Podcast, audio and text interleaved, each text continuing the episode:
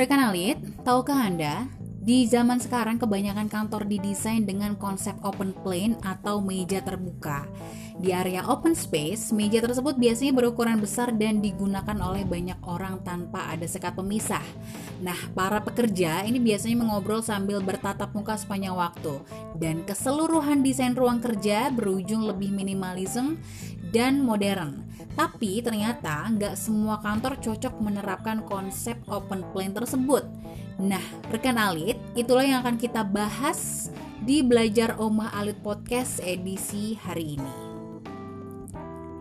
Dilansir dari dekorrumah.com, tanpa sekat ruangan, para pekerja akan lebih mudah berkomunikasi dan berbagi ide. Konsep kantor ini cocok untuk perusahaan startup yang membutuhkan banyak diskusi. Nah, kesan dari open plan juga lapang, walaupun berada di lahan yang terbatas, ruang kerja nggak terlihat sempit. Sementara itu, kerugian dari konsep kantor yang satu ini adalah kurangnya privasi antar pekerja. Di saat ada diskusi rahasia, harus beranjak ke tempat yang sepi terlebih dahulu.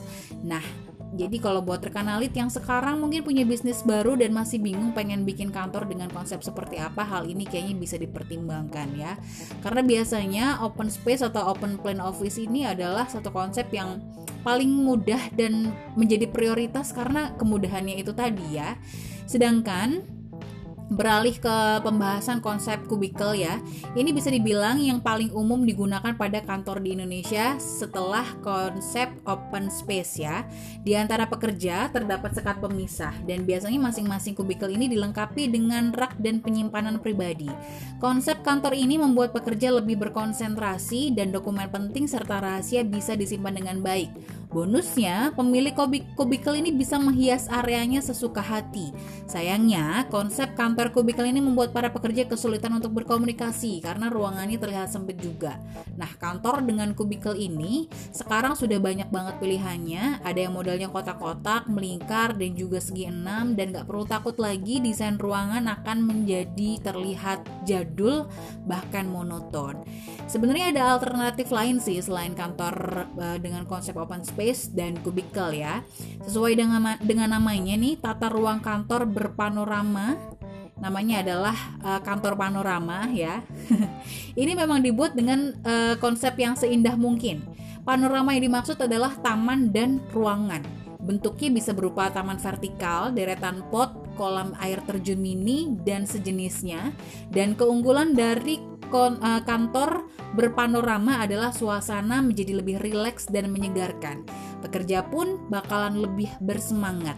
Tapi ingat, kalau pengen mengaplikasikan konsep kantor ini harus siap-siap karena biaya perawatannya cukup tinggi dan juga ada kemungkinan pekerja yang alergi terhadap tanaman tersebut. Tapi yang jelas, apa pun konsep tata ruang yang rekan Alit pilih untuk kantor bisnis baru rekan Alit, mau yang open plan, open plan, cubicle atau berpanorama, pastikan untuk menempatkan pekerja dengan tepat ya.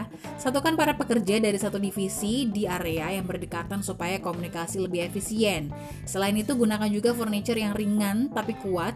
Suatu saat kalau pengen merubah tata ruang kantor, rekan Alit juga bisa menggunakannya dan melakukannya dengan mudah, juga perlu untuk mengatur posisi kabel-kabel dan colokan listrik pada tempat yang strategis. Jangan sampai menghalangi jalur lalu lalang atau tertimpa furniture. Tata ruang kantor open plan ini memang cocok sih sebenarnya untuk perusahaan yang bergerak di bidang periklanan ya. Periklanan, jurnalistik, event organizer, serta dunia hiburan. Sedangkan kalau yang kubikel ini paling pas buat perusahaan di bidang keuangan, hukum, dan sejenisnya yang melibatkan banyak dokumen. Kalau kantor berpanorama paling pasnya sih untuk perusahaan yang para pekerjanya hobi lembur supaya bisa lebih santai saat terlalu lelah bekerja. Thank you sudah menyimak belajar Om Alit Podcast hari ini. Yang jelas rekan Alit memang gak diharuskan mengikuti tren tata ruang kantor yang lagi berlangsung. Yang paling penting adalah mengutamakan menata ruang kerja berdasarkan kebutuhan antar pekerja ya. Jadi dengan demikian proses kerja bisa jadi lebih efisien dan efektif dan produktif juga tentunya ya. Kalau pengen mengikuti tren sebaiknya terapkan pada gaya interiornya aja. Selamat memilih dan semoga bermanfaat. Jangan lupa untuk nge-follow podcast Belajar Omah Alit. Follow juga fanpage dan Instagram Omah Alit dan subscribe YouTube channel kami di Omah Alit underscore interior.